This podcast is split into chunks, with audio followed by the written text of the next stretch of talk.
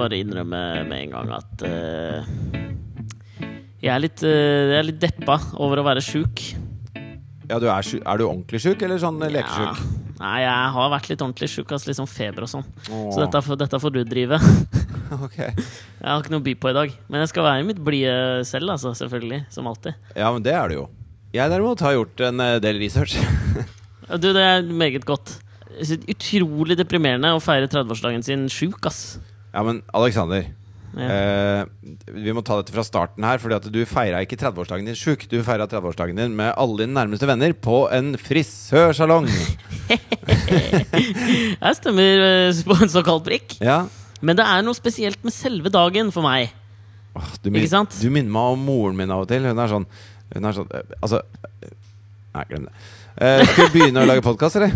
Velkommen til Alex og Fridtjofs podkast avsnitt nummer 50. Fins på iTunes. Ja, for faen! Det er avsnitt 50! Gratulerer med dagen! Gratulerer med dagen.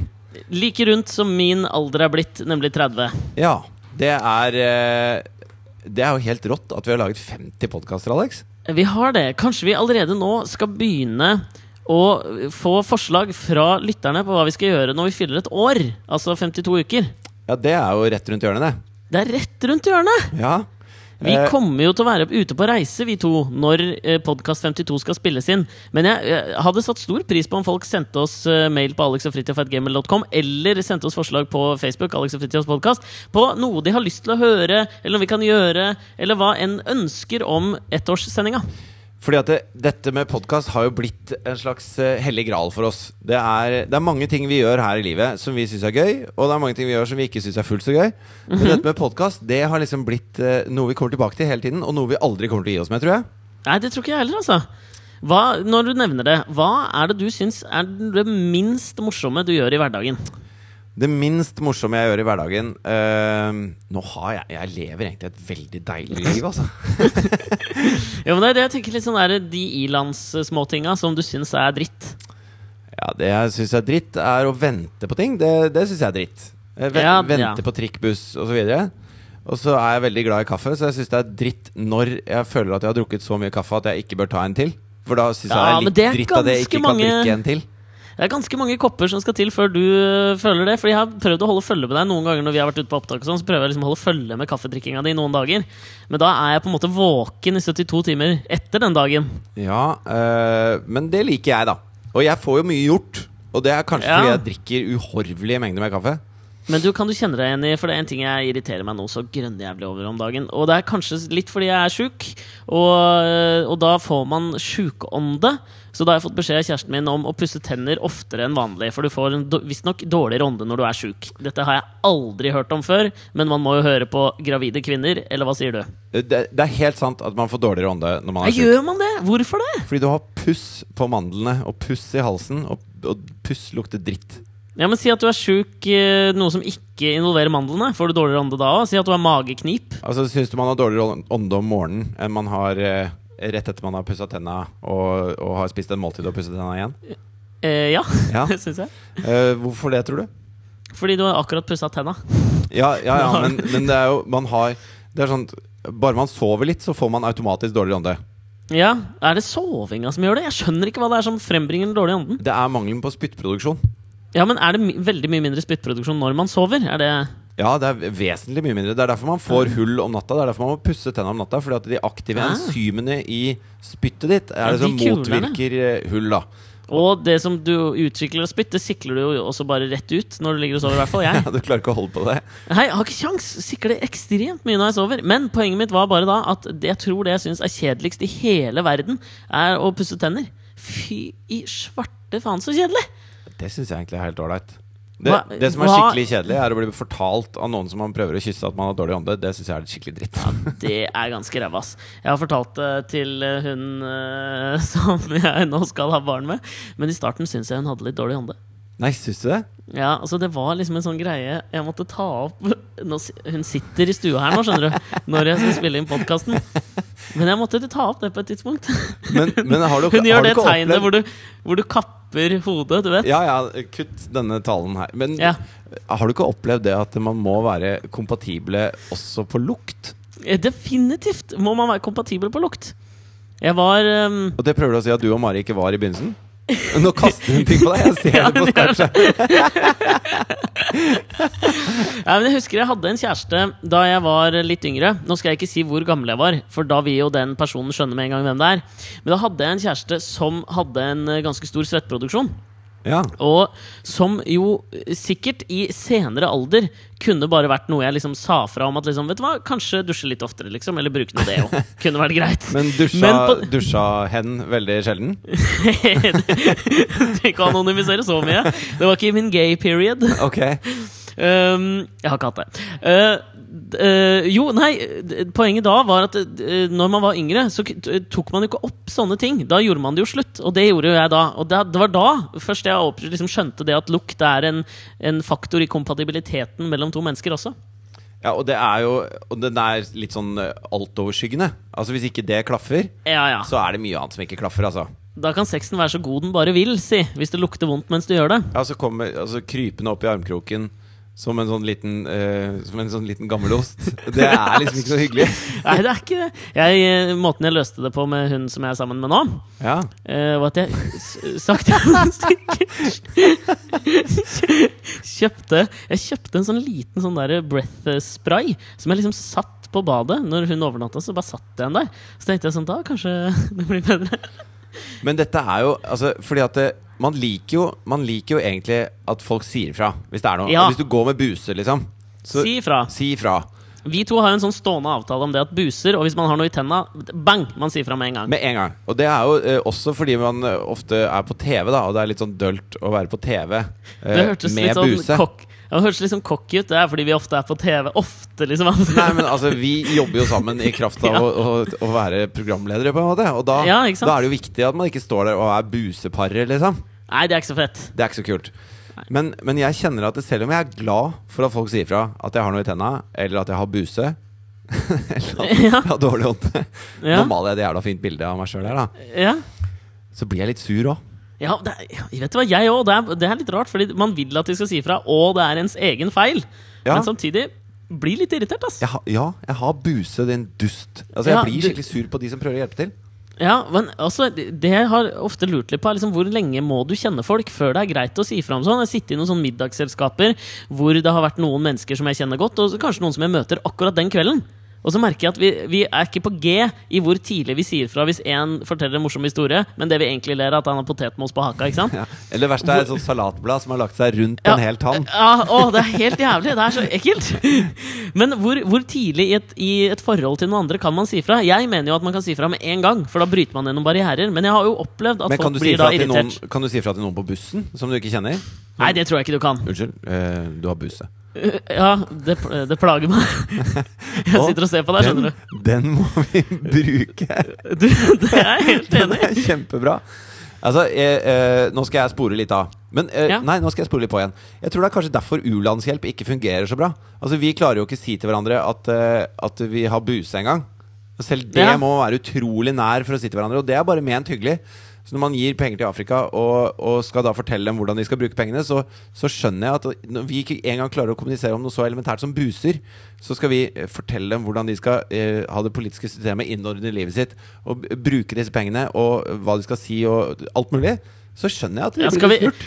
Jeg veit ikke helt om, vi, om U-hjelpen kommer med en slags sånn ytringsfrihetsklausul. At de ikke får lov å si Jo, for eksempel i Uganda så har de veldig lyst til å si at eh, homofile er eh, Satan sjøl, og de bør drepes. Det syns vi ikke at det er greit at de sier. Det stopper Å vi. ja, nei, sånn sett, ja.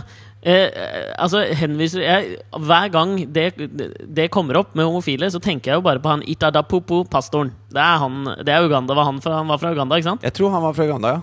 Apropos å ikke få lov å si, eh, si ting. ja. Har du hørt uh, Jeg leste en sak her tidligere i uka om en nordkoreansk standup-komiker. Har du hørt om uh, Lee Chong-hong? Jeg vet jeg er dårlig på nordkoreansk standup, det må jeg ærlig innrømme. Jeg visste ikke at uh... Hva skjer nå? Hva er det som skjer? Jeg har fått en skriftlig beskjed her. Ok, Fra hun som vi prata om nå for litt siden, min kjæreste Mari. Okay. Som sitter borti sofaen her. Så skal jeg prøve å snu skypen, så du kan få se det hun, det hun prøver å vise. Ser du hva som står på skiltet hennes? Du må slutte å pelle buser. ja. Jeg?! Nei, det er jo meg! Oh, ja, nå, nå ble jeg redd. Nei da, det var, det, var, det var meg. Ok, så du peller buser? da- Tydeligvis peller jeg busser. Ja. Gjør jeg det? ja. Ok, men da føler jeg at da hun og jeg even her, så fikk dere lytteren også bli med inn i min eh, på en måte førekteskapelige utfordringer. Føre, Vi- Førekteskapelige, sier du? Ja, men Jeg er jo ikke gift. Nei, men det Altså eh, det, det, det ligger jo implisitt i at dere skal bli det, da. Ja, det kommer til å skje en gang. Ok, ja, men da vet vi det. Eh, tilbake til buser. Li... Hadde du mer å si om buser, eller kunne jeg fortsette Nei, kan, med Nord-Korea? Ok, du kan fortsette med Nord-Korea. Ja, fordi altså, Det å ikke få lov å si noe, dette syns jeg var en helt eh, fantastisk sak. Fordi da Lee Chun-hong er en kvinnelig standup-komiker i, eh, i Nord-Korea som eh, har vært litt sånn utfordrende ved noen anledninger. Men det som skjedde her nå tidligere i uka, var at hun hadde en forestilling. eh, det jeg tror jeg var for arbeiderne på et jordbrukspo- jordbruksprosjekt som heter Zeppo. Jeg vet ikke hvordan man uttaler det på nordkoreansk. Hvis noen kan det, send oss mail. Eh, hvor hun rett og slett hadde forsnakket seg. Og de, dette har jo ikke lekket ut hva det var hun sa, men jeg kan jo tenke meg at det var noe om en av regimets toppledere. Naturlig plausibel forklaring, vil jeg tro. Ja, det er ofte For- upopulært. Ja, fordi det, hun, det som skjer, er at hun blir revet av scenen og sendt rett til Altså, re, altså fra scenen sendt rett til en kullgruve i Pyongan-provinsen for tvangsarbeid i seks måneder. Sånn i Og- de klærne hun hadde på seg, på en måte. Ja, altså Hun fikk ikke sagt fra til noen. Rett ut. Og det er da jeg ser for meg liksom sånn Når dette skjer Husker du Muppet Show? Hvor de hadde den der svære stokken. Hvor de tok tak rundt, Ja, ja, ja, rundt hodet. Jeg føler Det er det som skjer. At hun bare blir nappa av scenen. Hvor du hekter en sånn, en sånn uh, kurve på en måte rundt halsen på entertaineren, og så bare drar den av scenen. Rett av. Jeg føler at det er akkurat det som har skjedd. Det høres ut som en tegnefilm. Jeg kan ikke skjønne at dette er sant. Jeg, jeg leste Det er et sånt eh, nettsted i Kina som, som driver med litt sånn antivestlig propaganda, da. Og, Ja. og de har bæsja litt på leggen av og til, for jeg tror ingen av de kan engelsk. Så de sitter okay. på nettet og så prøver de å finne ut hvor fælt det er i Vesten uten å kunne engelsk. Og Ja. nå var det en sånn svær sak da hvor de sa at her kan man se hvordan amerikanerne henretter sine fanger. Okay. Og så hadde de en del stills, tydeligvis da fra en film, Ja. eh, av en kvinne som ble henrettet via en, eh, en dødelig injeksjon. Ok. Men det viser seg, da, og da, da hun Altså, skjorta hennes er litt sånn åpen, så den ene puppen er nesten ute, og så er hun strappa fast i en stol, og så gir de henne en sånn sprøyte, og så ser du at hun stritter imot, og så blir helt slapp. Ok.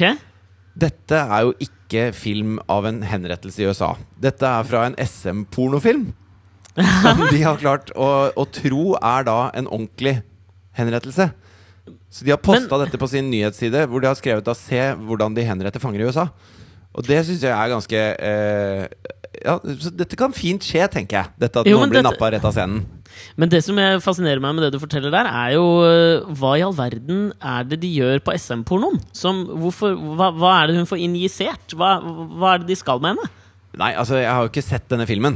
Um, Hva? Gjør du ikke ordentlig research til podkasten? Skal se her nå hva det står da Um, Ja, filmen heter da Lethal Injection Oi, det var Injection Lethal Injection ja.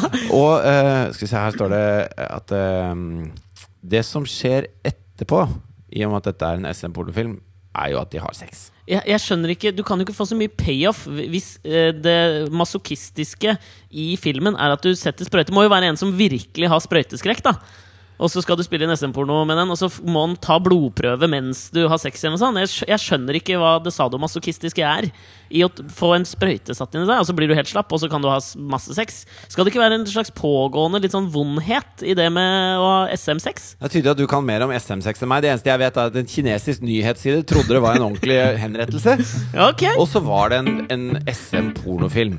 Uh, og, og jeg vil egentlig ikke vite så mye mer, jeg.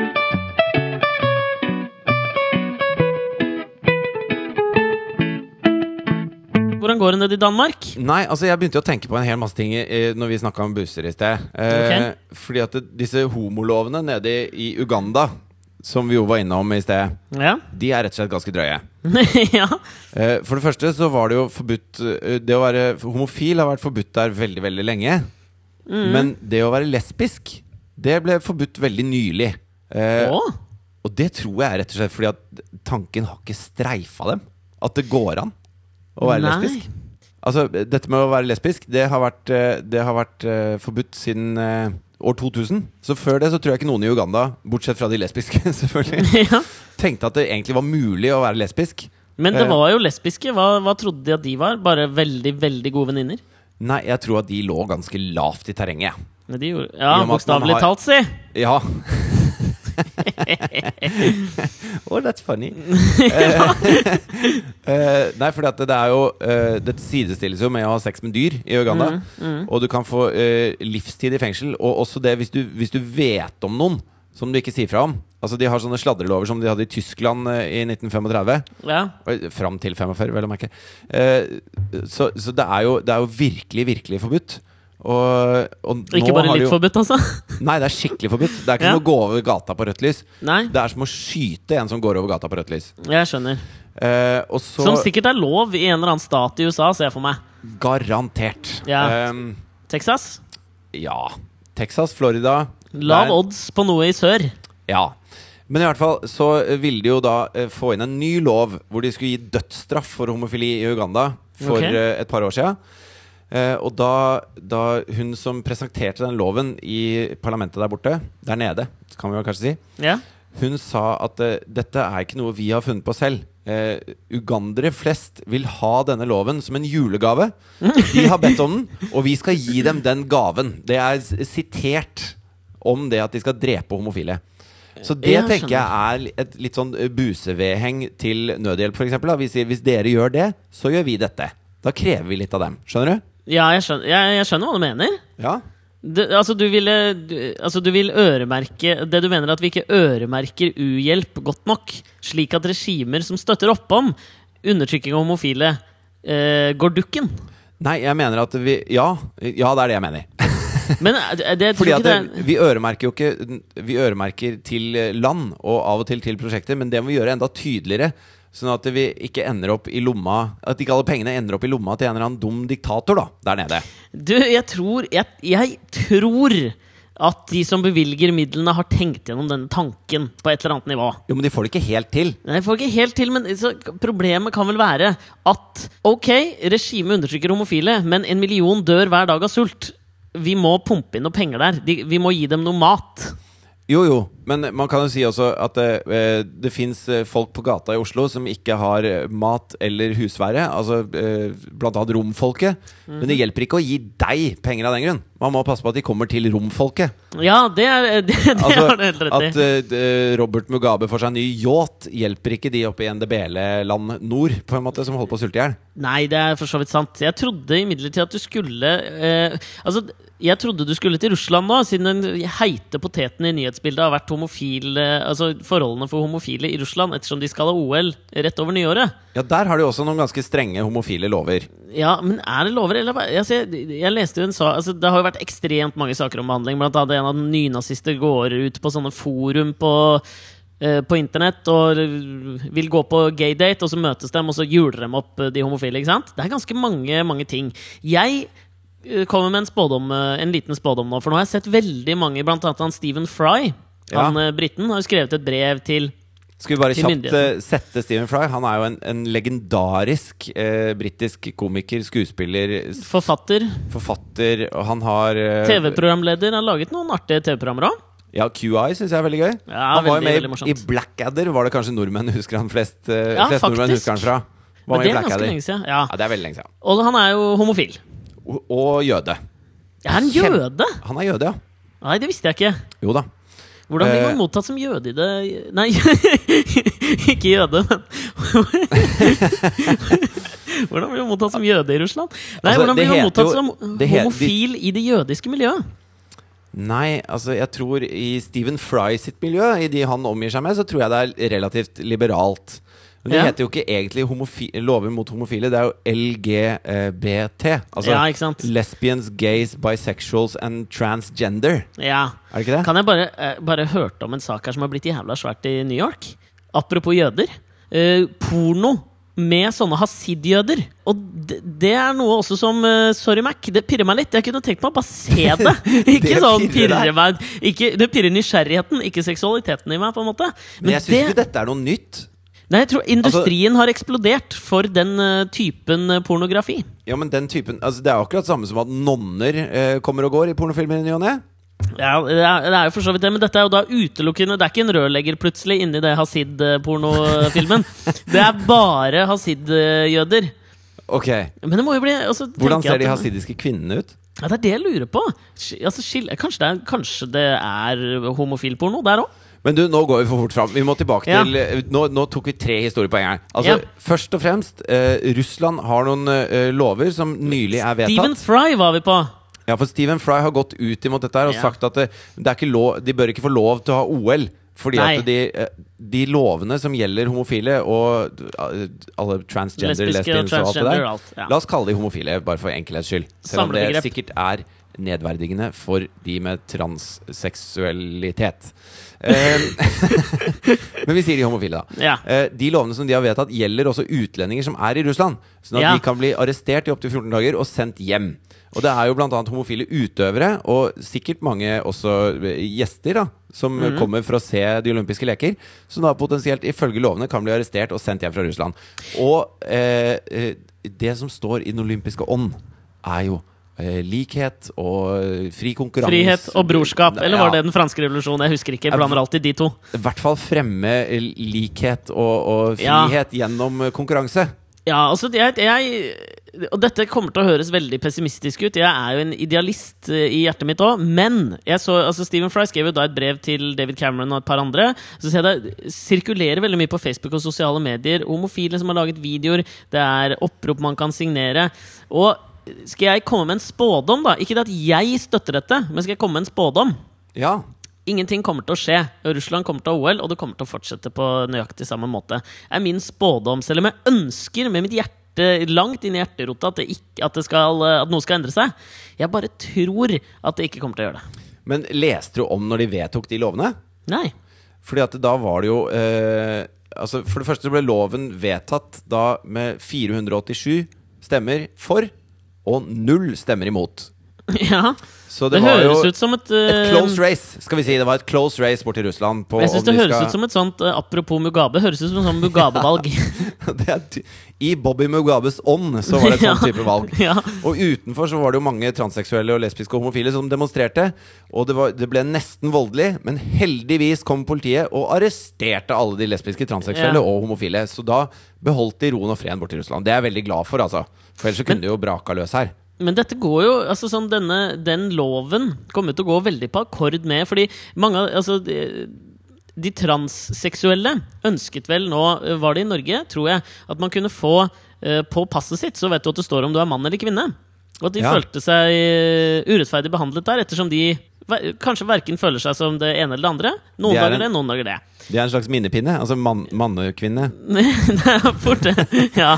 Og da ville jo de gjerne ha utvidet det til en tredje kategori i passet. Noe som jeg tenker, vær så god, det støtter jeg fullstendig. Hvis du ikke føler deg som det. Så for hva det står på passet ditt, det bryr jeg meg ingenting om. Men da, altså hvis det hadde kommet gjennom før de skal reise til OL i Russland, så er det jo bare å stå i passkontrollen og nappe dem ut og sende dem rett hjem igjen. Særdeles upraktisk for de transseksuelle utøverne. Som et par av de kvinnelige sprinterne nok er. Men, men Oi! Og og den brannfakkelen.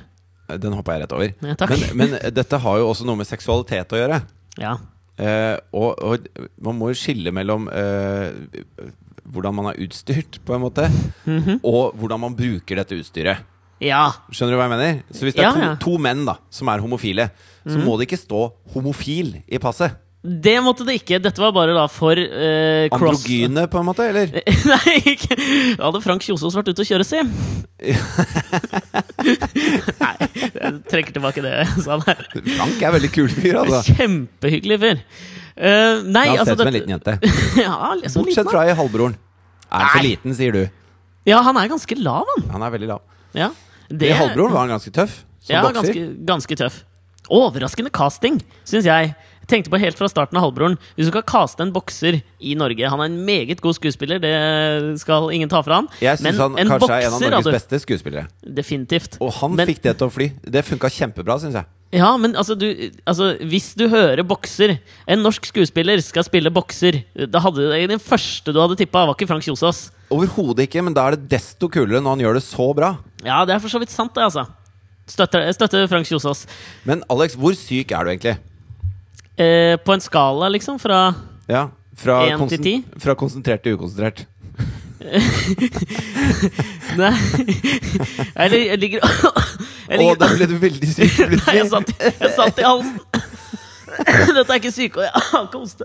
Fordi, altså det jeg Jeg vil satt si, da appelsinjuice i halsen, bare. Ok, det vil si Jeg er tror at jeg ligger på en firer. Du ligger på en firer. Ja. Den gjør deg litt ukonsentrert. Fordi at eh, vi har prata i et kvarter nå, Ja. og vi har altså gått eh, for fort. Syns jeg. ja, vi har kanskje det. Jeg, jeg, jeg, er ikke, jeg er fortsatt ikke ferdig med Buse, homofile i Uganda, eh, Robert Mugabe, eh, Russland, eh, homofile, jøder, transseksuelle, lesbiske. Dette går Hvis så du, fort. hvis du bare gir meg en liten bumper til eh, å samle meg nå, så skal jeg være klar igjen, jeg. Så begynner vi på Buse igjen. Ja. Ok, greit.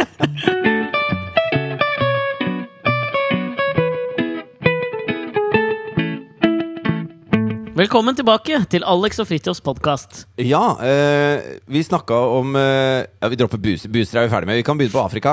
Ok.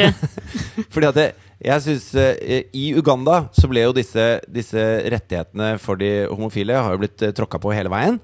eh, og nå eh, den, eh, det forslaget de hadde om at det skulle være dødsstraff for homofili, det er jo også blitt eh, stoppa, heldigvis, takket være stort internasjonalt press.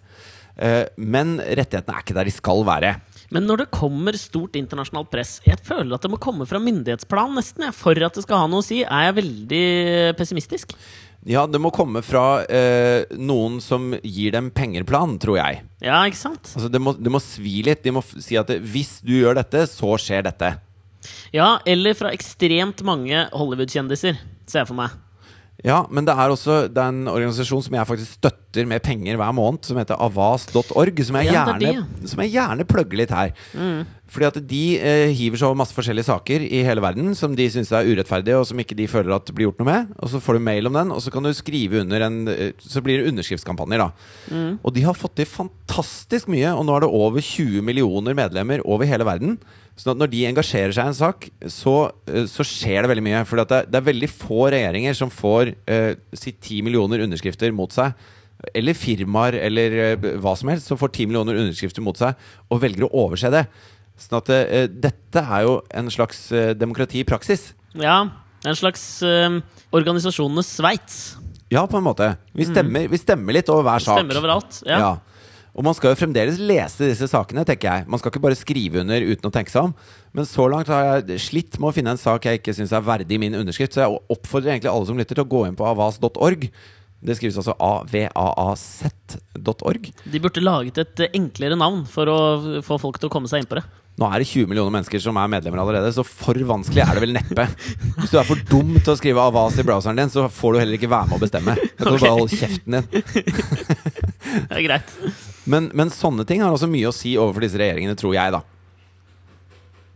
Det var noen som triller en tralle utafor sminkerommet jeg sitter i nede Ja, okay, i, Danmark her. Jeg driver jo og spiller inn Kakekrigen igjen.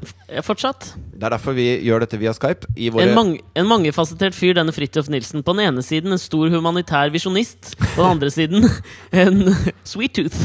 Ja, det også. Ja. Men uh, uh, er ikke det nabolandet til Nigeria for øvrig? Uganda? ja, vet du hva?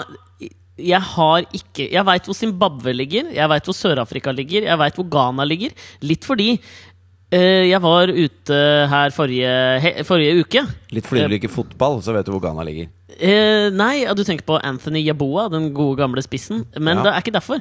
Eh, jeg var ute her forleden dag, eh, og så skulle jeg i bursdagen til ei venninne nede på et utested i Oslo sentrum. Og så står jeg og venter på kjæresten min, eh, fordi hun skulle ta trikken. Og jeg kom dit litt før. Og så eh, står jeg bare utenfor 7-Eleven ved Youngstorget der og venter, og så kommer det bort en fyr til meg og bare sier eh, noe jeg ikke skjønner. Og så Ja. tror jeg han sier Så sier jeg Men jeg skjønner at det på en måte er engelsk. Og så kommer han bort og sier 'Happy weekend'. Og så sier jeg 'Hey, I'm Alex'. Og så strekker jeg bare fram hånda.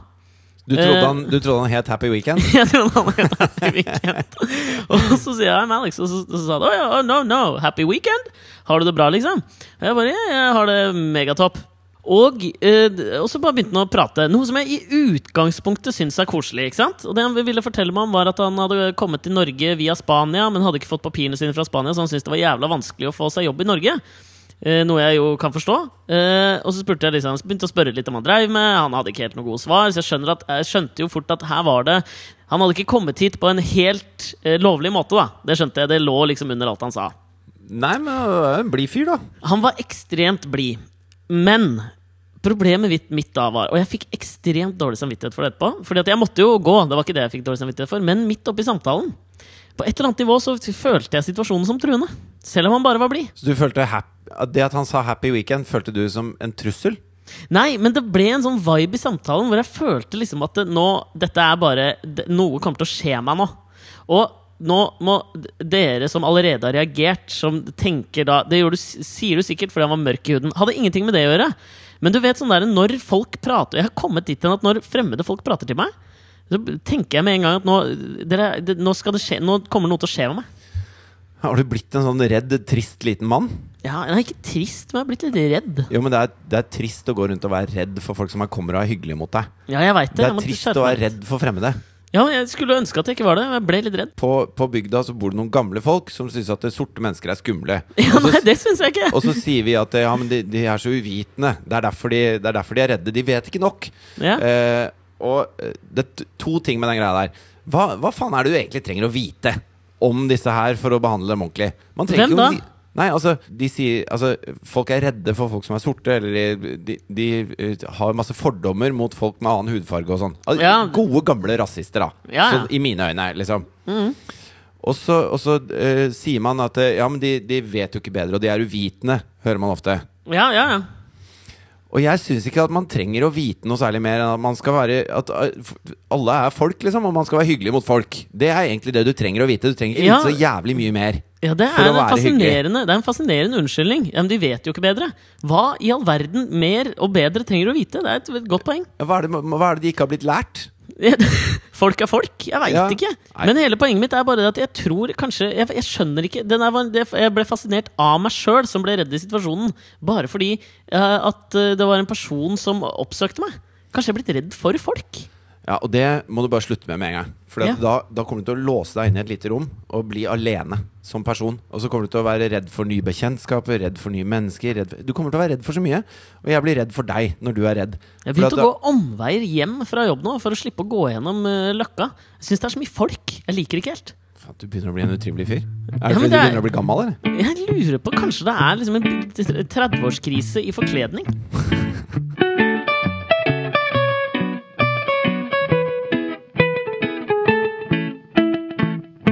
apropos eh, han derre Happy Friday. Nei, hva var det Ja, for noe? Happy Weekend. Ja, Det er ikke så rart at jeg trodde han het Happy Weekend. Vet du hva statsministeren i Nigeria heter? Nei. Han heter Good Luck Jonathan. Ja, han gjør det! Han det er gjør det. fantastisk navn. Han heter Good Luck til fornavn. Det, Åh. det syns jeg er fint å kalle barnet sitt. Og vet du hva kona hans heter? Nei. Hun heter Patience Jonathan, da. Altså, Ja, samme Det var jo det vi dekket eh, forrige ukes podkast, gjorde vi ikke det? Ja? Det var det vi klippa ut av forrige ukes podkast. Ja, det var det vi klippet ut. Det var ikke noe- ble ikke noe gøy, det.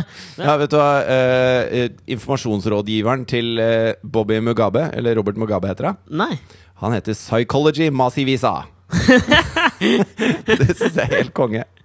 Men du, har det ikke vært valg i Zimbabwe? Det har vært valg, og En rimelig underdekket eh, sak i norske medier, eller? Ja, men jeg har fulgt litt med på det, skjønner du. Fordi at eh, Robert Mugabe er jo kjent for å komme opp på de høye 90-tall i, Ja, ja. i stemmeenighet. Så han, han eh, Jeg lurer på om han har vært over 100 har stemt på han. 126 stemte Robert Mugabe For valget. Ja, ja. Og nå har det vært et eh, For Robert Mugabe å være Altså På 80- og 90-tallet så fikk han vel sånn 80 og 90% Jeg tror han har holdt seg til sånn årstall, jeg. Og sånn rundt 2000 så bikka han vel 100% Ja, nå, men det forrige valget var vel i 2008. Da tror jeg var det første valget hvor han var liksom nede på 60% en periode, og så bare bik- poppa det opp på sånn 85. ja. Plutselig rett før. Da de begynte å bli nervøse for at dette kan jo kanskje ikke gå. Og nå har jo eh, stakkars 87 år gamle Robert Mugabe nok en gang vunnet valget. Med god margin, kan vi si. Ja, ja. Selv om Han- det så, så veldig spennende ut i begynnelsen, før de begynte å stemme. Eller før det... de begynte å telle stemmer. Og Ja. det har vært europeiske sånne valg... eh, Hva er det det heter? Valgforskere? Ob observatører. oppsynsmenn. Observatører, for faen! Jeg kaller det noe annet enn det det heter. Av- prinsipp. Okay. Og det de sier, er at valget har vært helt greit. De, de, de stopper på greit. Jeg føler, jeg jeg føler ikke at Man kan ikke gradere valg. Altså skjønner du? Enten så er det altså, Dette går, eller så går det ikke. Det er ikke, det er ikke greit. Liksom. Det er ikke lunka vann. Jo, men det er jo ingen valg som er perfekte. Egentlig. Nei, men du skjønner hva jeg mener. Enten Jeg så er det valgfusk, eller så er det ikke valgfusk, liksom. Jeg kan ramse opp noen av de tingene de pekte på som de syntes var merkelige. da Ja. Eh, Blant annet ble det trykket opp to millioner ekstra stemmesedler. Ja, ja. Det var en del stengte stemmelokaler i områder hvor SANU PF, som er da Robert Mugabe sitt parti, ikke er så populære. ja der hvor, er det ikke, Han stilte mot Morgan Svangirai, var det ikke det? Morgan Svangirai, Ja. Eh, og så i tillegg så var det over én million døde mennesker som stemte i valget. Det er jo et problem. Spesielt når nesten 120 000 av dem var over nesten 100 år gamle. Det er jo det samme fenomenet som skjer på ganske små steder i Norge, hvor når mennesker dør, eh, så bare innrapporterer de det ikke. Så mottar de da trygden, familien mottar trygden til denne personen i noen ekstra år. Ja, og, og uh, Psychology Massivisa Ja. sitt svar på disse anklagene var People die every day, and people die everywhere. It's hard for us to keep track. og det syns jeg er veldig bra. Det føler jeg er ekvivalenten til da jeg sto på flyplassen i Hellas og skulle hjem, og de ville ikke slippe meg på flyet fordi jeg hadde for tung bagasje. Jeg tilbød meg å betale med kredittkort. De hadde ikke kortterminal på den internasjonale flyplassen Heraklion, og jeg øh, kunne ikke forstå hvorfor, og uttrykte min eh, oppgitthet til damen bak skranken, hvor hun trekker på skuldrene og sier 'bad economy'. Det er så deilig med sånne svar. Det var også Ja. når, når han Psychology, da eh, Når de sa at de ikke har Jeg, kan ikke, du kan ikke, vi kan ikke Du må si etternavnet hans. Fordi jeg tar det ikke alvorlig. Massivisa? Ja. Ja, Det er jo for så vidt Når- bedre. Ja. Når Psychology Massivisa ble stilt overfor denne eh, bedømmelsen da, fra, de, fra de europeiske Hva var det du kalte dem? Oppsyns- observatørene. så, så, så sa han eh, We believe that is their opinion, and we obviously welcome it. But it's wrong. This is fair. Nothing is perfect. Og det er så deilig når Jeg synes det er så deilig når folk bare Ja, men det er veldig hyggelig at du syns det. Det syns ikke jeg. Vet du? Det er et godt svar på alt, det. Ikke sant? Det fins forskjellige typer sånne eh, korrupte regimer og gale statsledere, syns jeg. Robert Mugabe eh, han tilhører for meg en, Skal vi kanskje sette Zimbabwe litt, eller? Jeg vet da faen hva folk vet om det. Gamle Rhodesia, oppdaga Cecil Rhodes. Ja, det er gamle Rhodesia, og så eh, har det blitt styrt Det vært en britisk koloni ja, først. det, det har blitt styrt uh, Styrt? Styrt fra styrt. Britannia. Ja? Ja, og så fikk det uavhengighet, men eh, de, eh, de hvite fortsatte å kontrollere det. Og så kom Mugabe inn i regjeringen. eh, Eller han har Han egentlig vært politisk i- aktiv fra 60-tallet. ja, Han var med i den opprørsgeriljaen, ikke sant? Ja. Som eh, gjorde at de fikk sin eh, freedom. Eh, og derav ble jo han veldig populær, ikke sant? Ja, for han ville jo ha at eh, det, landet skulle tilbake til de som faktisk bodde der. For det var jo Ja. 2 eller noe sånt var hvite, og de eide 97 av jorda. Mm. Så han, han satte i gang en del sånne relativt hardcore reformer på å sparke ut de hvite og få delt opp dette landet, sånn at, det, sånn at de som bor der, har jord. da Som Og så dette- mange av de afrikanske koloniene så starter de nye statslederne på en veldig sånn sosialistisk og fin bølge, før det klikker og de blir gale despoter. Ja, og jeg tror Altså, øh, øh, absolutt makt korrumperer absolutt, sa en klok mann en gang. Og dette Ja. gjelder også for Mugabe. Fordi at det, når han starta ut, så sy de syntes han var helt gal i England. Mens hele resten av verden sier jo Ja, men det er jo Altså, det er for så vidt fair. At, eh, Ja. at det landet spres litt utover alle de millionene som bor der, som ikke har en dritt. Ja. Eh, men så skar det seg helt, fordi at eh, de hvite farmerne som ble jaga ut, de pleide da å brenne ned alle produksjonsmidlene på de farmene. Som gjorde at når da eh, Mugabe sin regjering skulle overta, som da innen det var blitt helt bånnkorrupt, da Så han ga bort eh, sånne svære farmer til alle vennene sine istedenfor å fordele ut på befolkningen. Eh, før det så var jo Zimbabwe et av de rikeste landene i Afrika. Og de var eh, på en måte hele jordbrukskammeret til Afrika, på en måte. Og etter det så har det gått bare eh, rake veien til helvete, da. Ja, og da har vi satt det. For det jeg mener med sånn som Mugabe Det er liksom noen sånne korrupte regimer og gale despoter som produserer i hvert fall eh, morsomme saker. Sånn som i Nord-Korea, når du får høre om en eh, Altså sånn, Når du får høre om en standup-komiker som blir nappa av scenen og sendt til kullgruve. Jeg an eh, anerkjenner at det er fullstendig tragisk, men det det er, det på, på, en- sånn avstand så er det liksom sånn Det oppstår komiske situasjoner hvis man kan ha litt, ha litt galgenhumor. Men det gjør det ikke i Afrika, liksom. For der er det mer sånn derre uh, Kappet ned 40 barn med machete. Skjønner du? Det liksom, det, og det er umulig å ha galgenhumor på.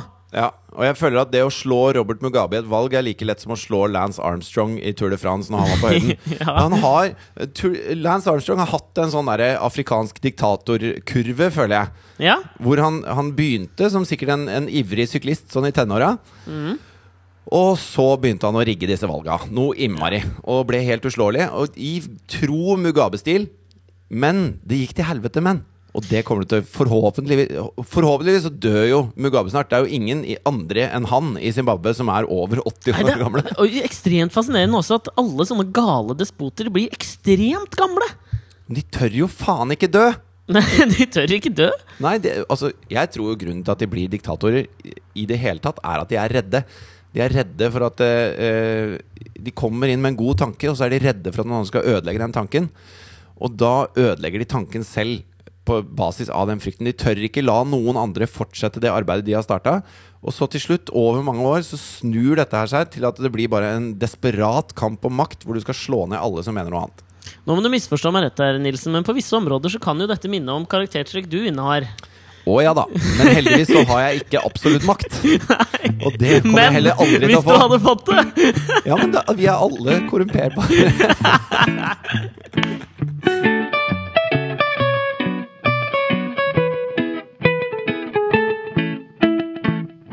Hvis vi skal gå litt videre i det vi snakket om i sted For at da, var det jo, da gikk vi liksom eh, via homofili til Stephen Fry og over på de russiske homolovgivningene. Ja, Og- jeg, ja. Og han er jo da en, en homofil jøde. Det vil si at i Russland så tror jeg han er relativt upopulær. ja. Er jøder veldig upopulære i Russland òg? De fleste er upopulære i Russland. Jeg. Ja, bortsett fra sånn, sånne Putin-typer. Ja. Det er et veldig kort hopp fra de som elsker pistoler i Texas, til de som digger Putin i Russland. Ja, og det som er rart med det, er at for dem er jo det det lengste hoppet. For jeg føler at de gun-crazy folka i Texas ser fortsatt på Russland som den største fienden til USA. Ja, det er den røde fare enda. Ja, ja. Kan vi tro på glasnost? du og jeg på Brandeby. Tore Endresen, ass. Han er vårt håp for fremtida. Tor Endresen sang da for pokker meg ikke den låta der. Brandenburger Tor, jo. Nei. Hvem var det? Brandenburger Tor var vel han Grand Prix-fyren? Ja, Tor Endresen. Det var ikke Tor Endresen fra Bergen! Brandenburger Tor, sånn i hånd som om det var i går. Det er jo Kjetil Stokkan. Kjetil Stokkan er det, for faen. Eller Ketil Stokkan, kan aldri vite. Ja, eller Ketil Stokkan. Ja. Hva var det vi Jeg var på vei et eller annet sted. Eh, eh, Jo! Jeg Ja. tenker den minst populære mennesket som kan komme inn i Russland, det må vel være en svart, homofil jøde med tsjetsjenske aner.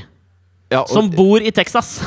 Ja, og hvis, hvis den i tillegg var Den, sier jeg. Hvis han i tillegg var en kvinne før, så han har operert seg om til å bli mann for å være en homofil mann, det er en perfekt storm av antirussiske ting. Ja, Kan vi sørge for at en eller annen utøver i OL har alle disse karaktertrekkene? Ja, det, altså, det kommer garantert til å være et menneske som i forbindelse med OL, på, eh, som tilskuer eller et eller annet tilreisende fra et eller annet sted, er dette. Det er jeg helt sikker på. Du, jeg tenkte på Jeg lå jo her sjuk i går, på min egen bursdag. Åh. Så hadde jeg vært og spist litt eh, middag sammen med Mari. Hun tok meg med ut på middag. Da. Det orka jeg. Men det var dårlig service, og det var liksom, ble en bare sånn perfekt storm av drit for meg. Så jeg ble, var litt sånn skuffa. Så kom jeg hjem, skulle legge meg på sofaen, så tenkte jeg sånn nå, nå må jeg bare ha noe på TV, en film, som ikke utfordrer meg på noe, noe plan. Som bare gir meg en eller annen sånn god følelse inni meg, jeg, som jeg slipper å tenke av. Så du leide, du leide Pretty Woman en gang til, du? Jeg gjorde ikke det, men jeg leide kanskje det som jeg håpet var 2013s svar på uh, Pretty Woman. En film som het Celeste and Jesse Forever. Det høres ut som en film jeg aldri skal se. Ja, Det kan du banne på at du ikke skal. Altså, dette er en film da med Andy Samberg og Rashida Jones. Andy Samberg er han som var- ble kjent på Saturday Night Live, og som, har, uh, som er med i den The Lonely Island. Du vet de som har laga alle disse artige musikkvideoene og rappene og sånn, ikke sant? Og ja, med Justin Timberlake og sånn? Ja, alle Ja. de. My Dick in a Box og alt de. Han er en av de. Ja. Rashida Jones også en sånn fra Jeg føler bare hun er en del av den der Judd Apatow-gjengen.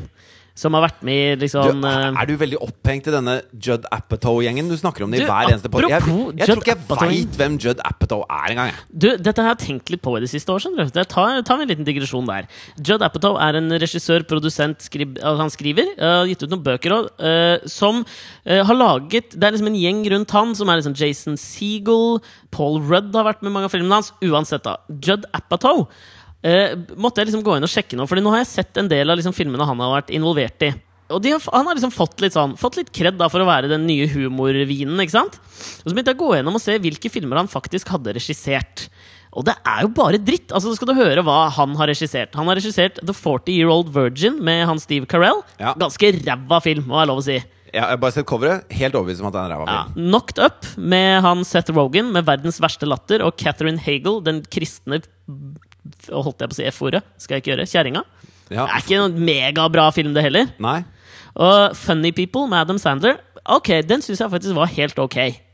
Og så har han regissert en som heter This Is 40, som kom i fjor. Også en ræva film. Altså Jeg blir sånn irritert, fordi det er bare blitt sånn fastslått at det der er liksom god humor nå. Jeg syns det er noe, det er noe jævla dritt. Lager ikke noe bra filmer. Men du må søke litt tilbake i deg selv, Fordi at du har jo drevet i vår podkast og, Ja. og snakka om denne Judd Apatow-gjengen som det Ja, men er gjengen superkult. rundt, gjengen rundt syns jeg er veldig morsomme. Det er en del sånn standup-komikere som jeg, som jeg syns er morsomme.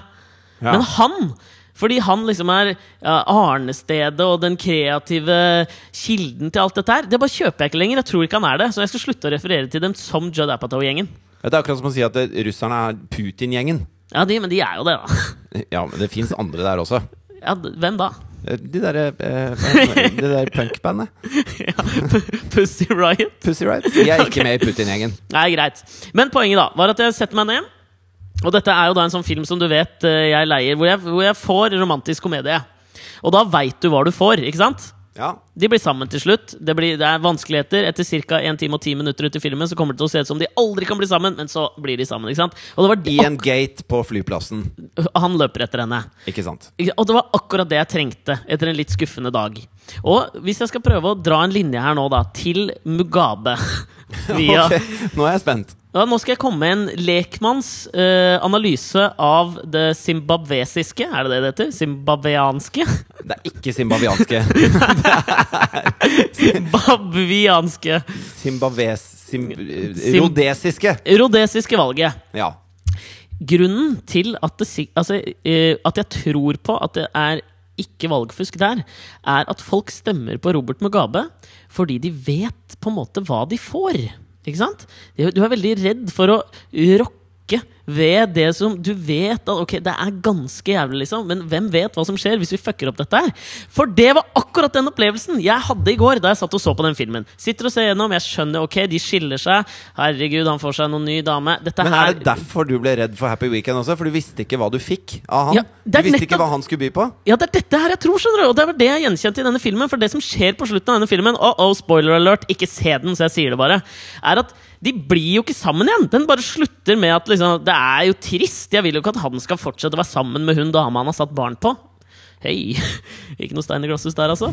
Men å gå tilbake til hun andre altså, Det var jo det jeg ville skulle skje, og så skjedde ikke det. Og det rokka litt ved meg. Kanskje fordi jeg var litt sånn småsjuk og i en veldig emotional state ettersom jeg fylte 30 og følte at jeg ikke leverte varene ettersom slik jeg hadde tegnet opp bildet av 30-årene. Men det, jeg tror det er akkurat det. Man er veldig redd for det man ikke vet hva er. Derfor godtar man heller at det er litt jævlig det man allerede har. Ja, jeg er enig med deg til et visst punkt. Fordi at jeg syns Hva mener du? Er du ikke 100% enig i alt jeg sa? Eh, Jo, altså jeg er enig i dette med, med frykten for det ukjente. er jeg veldig enig i. Mm. Og det, det er jo basisen for denne, denne homofillovgivningen i Uganda, og, og i Russland også. Det er basisen for uh, en hel masse ting. Men jeg tror at den uh, Hvis du vet at du får en machete i bakhodet, så fortsetter du ikke å stemme Mugabe. Altså Mugabe gjør Nei, en del ting som, som du liksom ikke er keen på, da. Uansett om du veit hva det er eller ikke. Men ikke sant, det er ikke 100 valgjuks, tenker jeg. Det er en del som stemmer på den. Og det tror jeg er min, det er min analyse av hvorfor de gjør det. Og hvis vi skal gi et lite kompliment til eh, gamle gamle Bobby Mugabe, så er det jo at det, dette er mye mer fair enn det pleier å være. Det kan vi, det kan vi være enige om. Helt enig.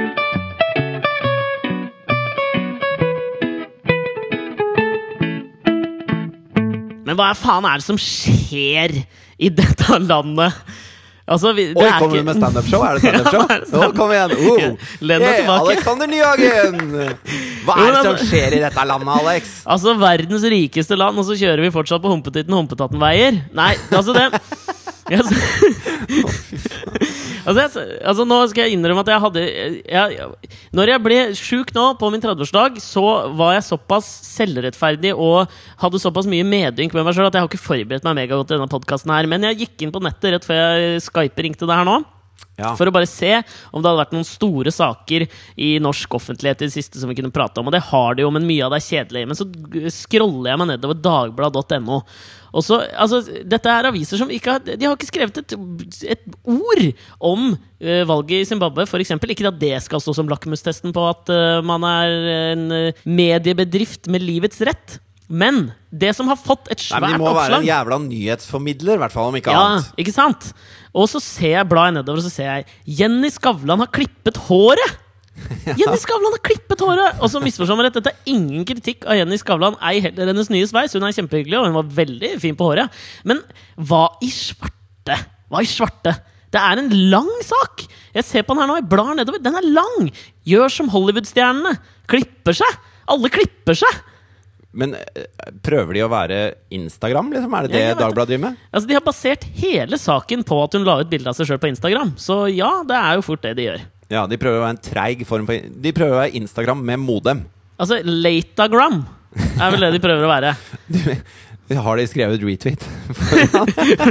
Repost! Repost?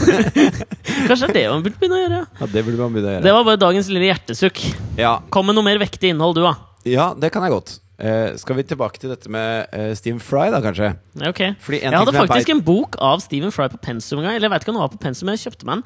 En utrolig flink skribent. Altså. Den anbefaler jeg alle å kjøpe. Hvis du Han er det er jo- minste in interessert i poesi.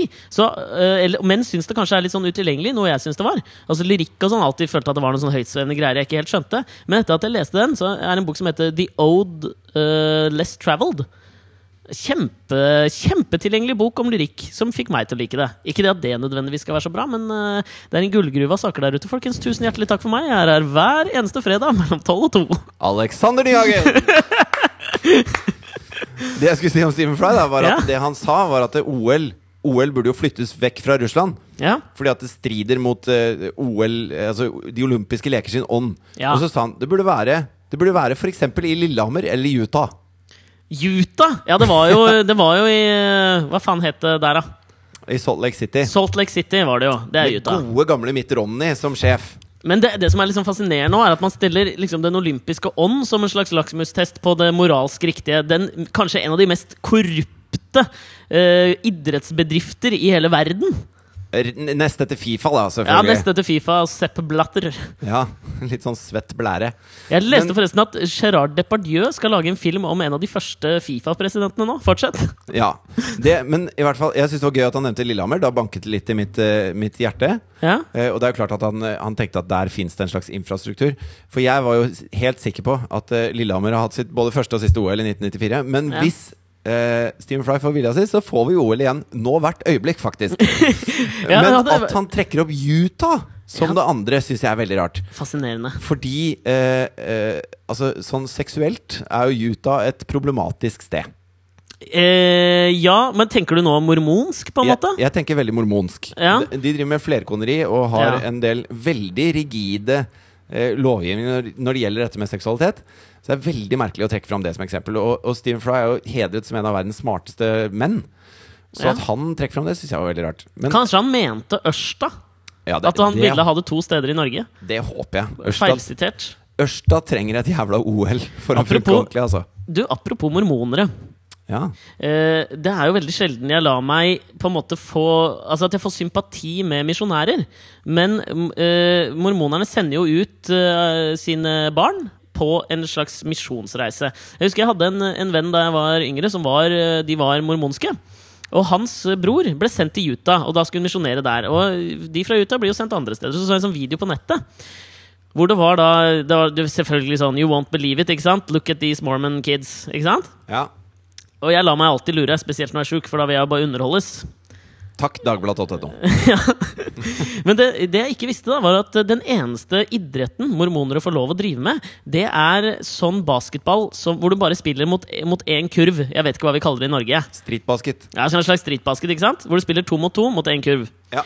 Så det er de jo rimelig gode på. Og så var det to da mormonske karer som var liksom i en sånn skikkelig getto med bare afroamer afroamerikanere. ikke sant? Som kom bort og var liksom sånn Halla, hvis vi slår dere i basket, kan vi få en halvtime av tida deres for å preke litt om Jesus da, eller? Og de var sånn Selvfølgelig! Hvis dere slår oss, skal dere, da får dere to timer, liksom. Ja. Og så er det en annen video hvor de der mormonske gutta bare Det første han gjør, er bare at han spretter forbi to stykker og bare slam-dunker dritten ut av hele kurven, ikke sant? Men tror du de mormonerne kaller det slam dunk? Det virker som et veldig lite mormonsk begrep. Ja, jeg, altså, jeg, jeg traff en kurv, eller dunkekurv. Det er jo et eller annet sånt. Men det er, De det er noe gøy. vidvanna den kurven. Ja, jeg vidvant den kurven. Men det er noe gøy også over det der av Jeg får veldig sjelden sånn gåsehud av noe som dreier seg om religion, men da fikk jeg liksom følelsen av De ble liksom underdogs. Når de fikk vise seg fra en annen side nå. Hør nå.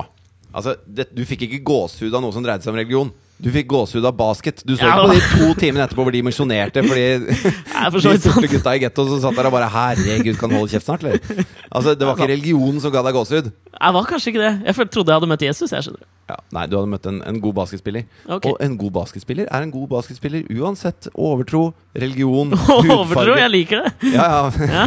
Jeg kaller Mormonisme er en overtro. Overtro, ja. Det er en eller annen som bare Åh, jeg har lyst på mange koner, og så har jeg lyst til at de skal holde kjeft. Jeg lager en religion. jeg kaller den mormon, for da kan jeg ligge sånn på sofaen. Men lurer, da lurer jeg på hva var, hva var motivasjonen til L. Ron Hubbard? For å, ja, hans var penger, han som skapte scientologikirken. Hvordan kan jeg tjene mest mulig penger? Men han skulle, jo ikke, han skulle jo ikke lage en religion i utgangspunktet. Han sk skrev bøker, han. Han skrev 1000 eh, sånne science fiction-bøker i løpet av livet sitt. Det er helt Kan ikke forstå det! Det må jo være ljug! Og ja, så, må jo være ljug. Ja. altså, det er sant at han skrev tusen bøker, men det han skrev om, er jo ljug. ja, ja. Men det er det jo ikke alle som tror. Han skrev 1000 biografier. Alt var sant gjennom hele Han, sitt liv. han skrev tusen bøker som noen eh, mener er absolutt sannhet, og det er jo helt, helt utrolig. Er- Inni der fant de ut at de skulle spise morkaken og donere en hel haug med millioner dollar. Ja, Og Gud skrev jo bare én bok. Holdt de massevis, det. Ja, ja. Han lagde verden på syv dager, og så rakk han bare å skrive én bok. Lazy! Litt slappis. Altså, flink med henda, men ikke noe skribent. Skal vi bli enige om det?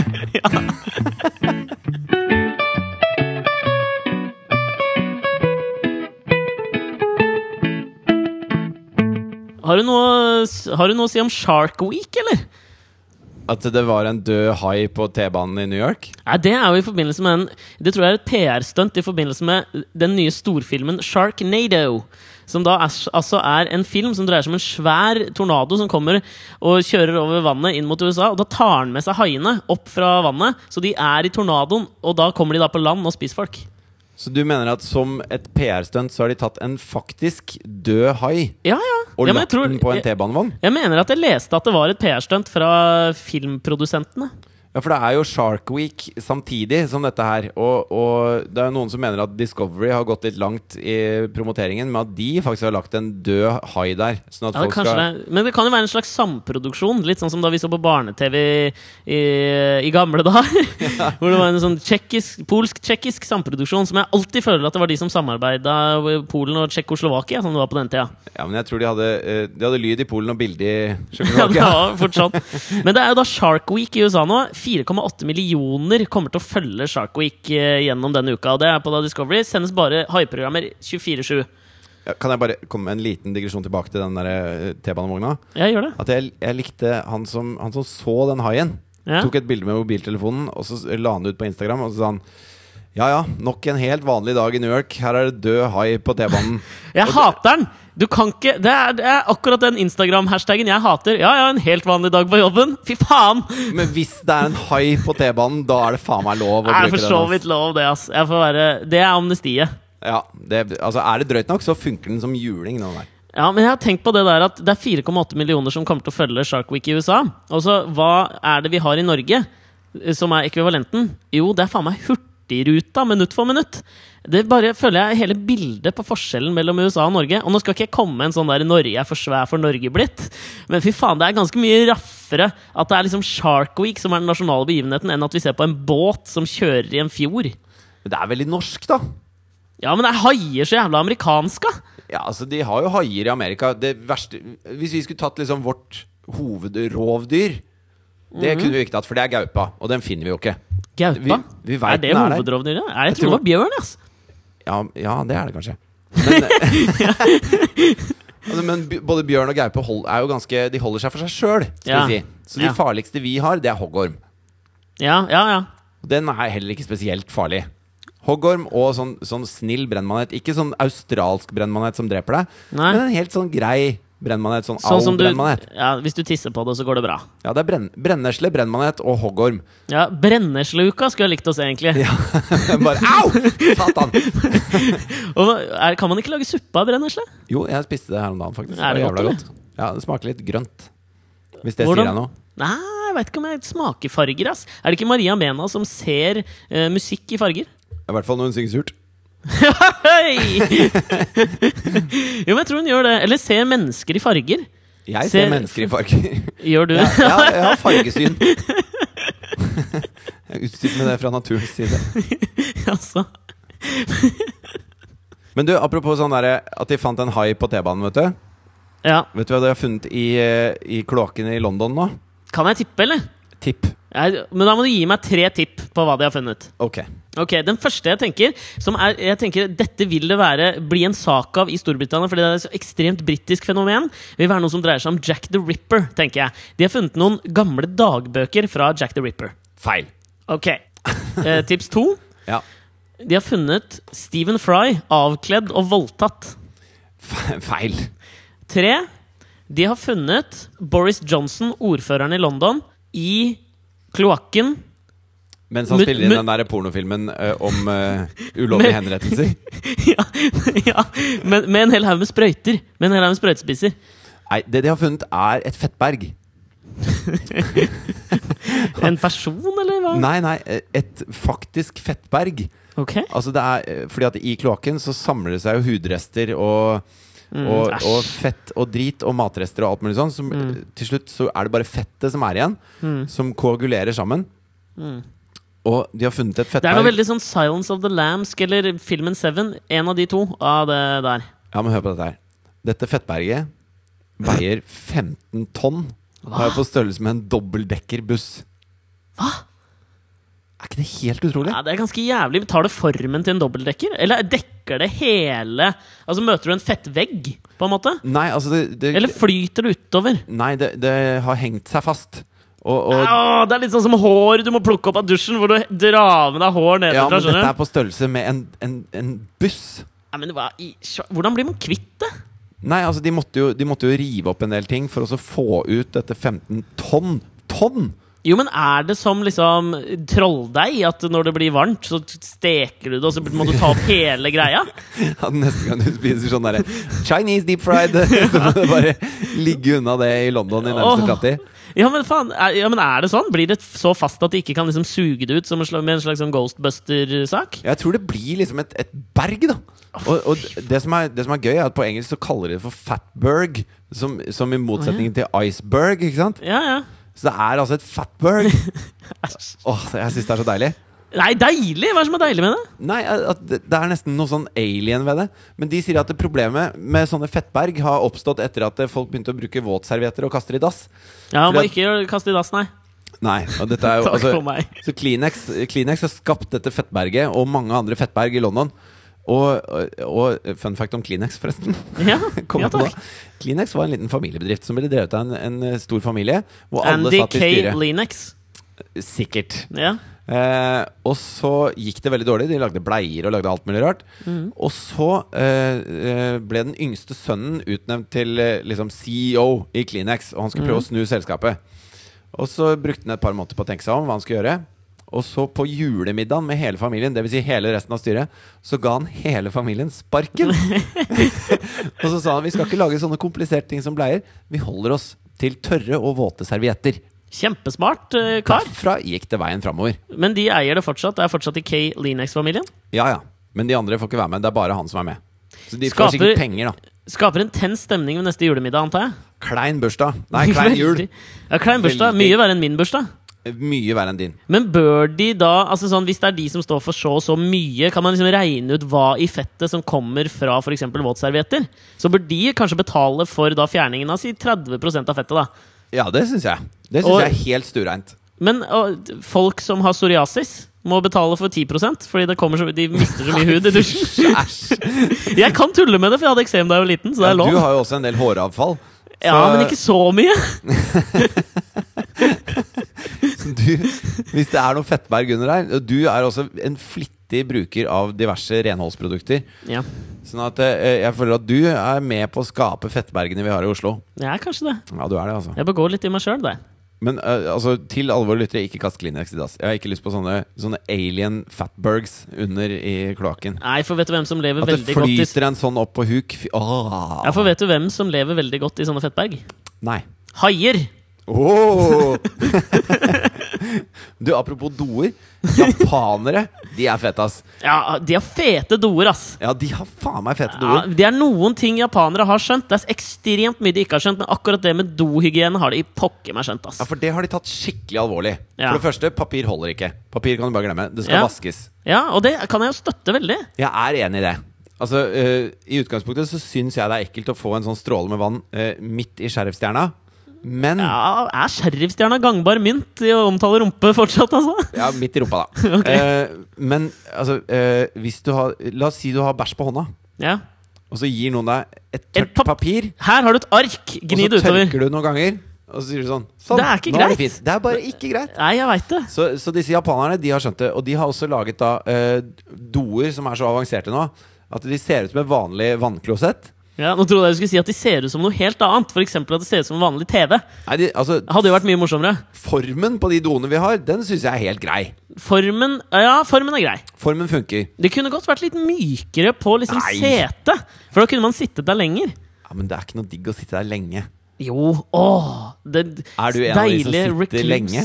Enormt lenge. Og så når du liksom blir lei av å sitte der, så åpner du døra litt for å slippe ut lukta, sånn at du kan sitte der lenge lenger. Nei, altså, før det skjer, så sovner beina mine. Jeg Så du til beina sovner, ja. Ja, jeg gjør det. Men uansett, da, disse japanske doene De har nå sånn at du kan eh, trigge da en stråle som går rett opp i rumpa for å vaske. Som Så et har de- slags bidé. Som en bidé, ja. Men det er inkorporert i vannklosettet ditt. da Ja. Og i tillegg så har de en slags føner der nede som gjør at du blir helt tørr. ja, ja. Og så har de da på selve dosetet så har de sånn, eh, sånn plast, du vet, som, eh, som går av seg selv til Snurrer nestemann. Ja. Som snurrer rundt. Så det eneste du trenger å gjøre, er bare å ta av deg buksa og la det stå til, og så ordner dassen resten. Og Og så har de jo også sånne motion sensors på alt på doene sine. Ikke sant? Sånn at du trenger bare å- Hvis du nærmer deg doen, så åpner setet seg. Ja, ikke sant? Ikke sant? Så du slipper å ta på noe. Alt er motion-styrt, og det er jo Og Det er jo en drøm! Siste skrik av disse doene kan du styre med iPhonen din. Kan du styre med tankekraft? Nei, men du styrer med iPhone vi, ja, men via okay. Bluetooth. da Så okay. du har en app, og da kan du liksom Du sitter på do, og så hvis du syns det er litt ekkelt å trykke på knapper, og sånn som noen andre har trykka på, så tar, så tar du bare fram telefonen din, og så trykker du spyl, føn, eh, snurr, eh, åpne, alle de tingene der. Masser? Men problemet med disse greiene da Det er at det er en produksjonsfeil. Sånn at eh, default-koden til alle doene de har levert, er 0000. Ok? Det vil jo si at hvis du f.eks. er på do, Ja. så kan jeg begynne å føne litt Åh! mens du driter fra min iPhone. Jeg kan hacke dassen din. Og det er jo det verste som fins, å gå på do når man er litt svett og klam i sheriffstjerna, som du vil kalle det. Ja, Og hvis jeg linker med den dassen du er på først, så kan ikke du bryte den linken. så du er i min vold til du er ferdig. Kanskje Veldig jeg skal reise til Japan bare for å bli dasshacker. Ja, ja jo, Sånn. men altså, Få 1000 igjen! Få tusen igjen! Jeg Send fortsetter å spyle. Send det ut under Altså under glippen, ja, dodøra. Send ut tusen igjen. Tusen igjen alltid føler at igjen er så veldig lite verdt. Nei, nei, det er en veldig stabil valuta. Jo, men skjønner du at det er, hvis du Nei, det er lire jeg tenker på. Det er alltid sånn Hvis du skal ha en, en, en valuta som har vært lite, så kan jeg alltid oppgi lire. Ja, ja, du kan få 10 000 lire! Åh, du ser ut som en million lire! Ja, det er en gangbar mynt i humorverden fortsatt, i motsetning til sheriffstjerna. Absolutt. Apropos humorverden, jeg møtte Ørjan Burå på, på um, Parkteatret her tilfeldigvis. Jaså. Apropos humorverden, er vi Nå skal jeg bruke det ordet for siste gang i dag. Er han fortsatt gangbar mynt som en slags humorverden? Ja. Jeg tror mange kjenner han som standup-komiker. ja, det gjør de helt sikkert. Og han skulle da i Han var i utdrikningslaget til Thomas Leikvoll, som skal gifte seg. I, skal han gifte seg? Ja, han gifter seg på lørdag, faktisk. Ok, Med hvem da? Hun fra sonen? Ja, det stemmer. Er det det, eller? Line Victoria. Ok. Skal jeg fortelle deg en historie om Line Victoria. Vær så snill gjør det. Ja. Og håper den dreier seg om noe dobesøk. Nei, det gjør det ikke. Men når jeg var eh, kanskje 19 eller noe sånt, så jobba jeg i en gitarbutikk. Og så, eh, på MySpace, så fikk jeg en mail av en jente. For, fikk man mail på MySpace? Det kunne man få. Ok. Var du svær på MySpace, eller? Jeg husker jeg hadde en MySpace-konto. Jeg var, aldri... jeg var habil på MySpace. Jeg drev litt med MySpace, da. Tidlig ute, vet du. Ja, tidlig krøkkes. Eh, Men i hvert Ja, du har jo alltid vært en slags um, internettpioner. Ja, det vil jeg si. men, eh, men i hvert fall så Og jeg kjente jo ikke eh, denne jenta i det hele tatt. Og så begynte vi liksom å chatte litt og sånn. Og så inviterte hun meg med på en seiltur. ok. Og så tenkte jeg dette Det er en metafor på sex. dette er erotikk i praksis. At en fremmed jente jeg hadde sett bilder av, syntes hun var litt søt, og alt det der, inviterer meg på en seiltur. Ja. Det er liksom Dette er, dette er snøre i båndet. Liksom. Dette er Ja. kjempebra greier. Yes. Eh, men jeg kunne ikke. Og nå gifter hun seg med Thomas Leikvoll. Var det historien? det var hele historien. Tenk deg det, du kunne Men vært da i er hun ganske sprek, da. Hun? Ja, altså Det er jo kult å bare Hvis man liksom har Altså noen man ikke kjenner, og så bare Ja, men faen, vi, vi prøver det, liksom. Ja, tenk deg, dette er noe de homofile i Russland aldri kan få gleden av å oppleve. Nei, det er det ikke. Og Gud, Gud forby hvite transseksuelle i Uganda heller. Er veldig, veldig vanskelig, altså.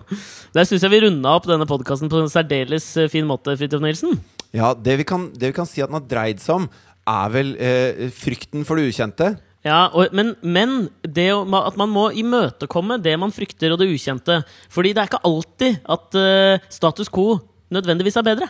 Nei. Og selv om du heter Good Luck Jonathan, så trenger du en kone som heter Patience. du må det. Ja, for du har ikke flaks før du har venta litt. Luck favors the well Well prepared. prepared.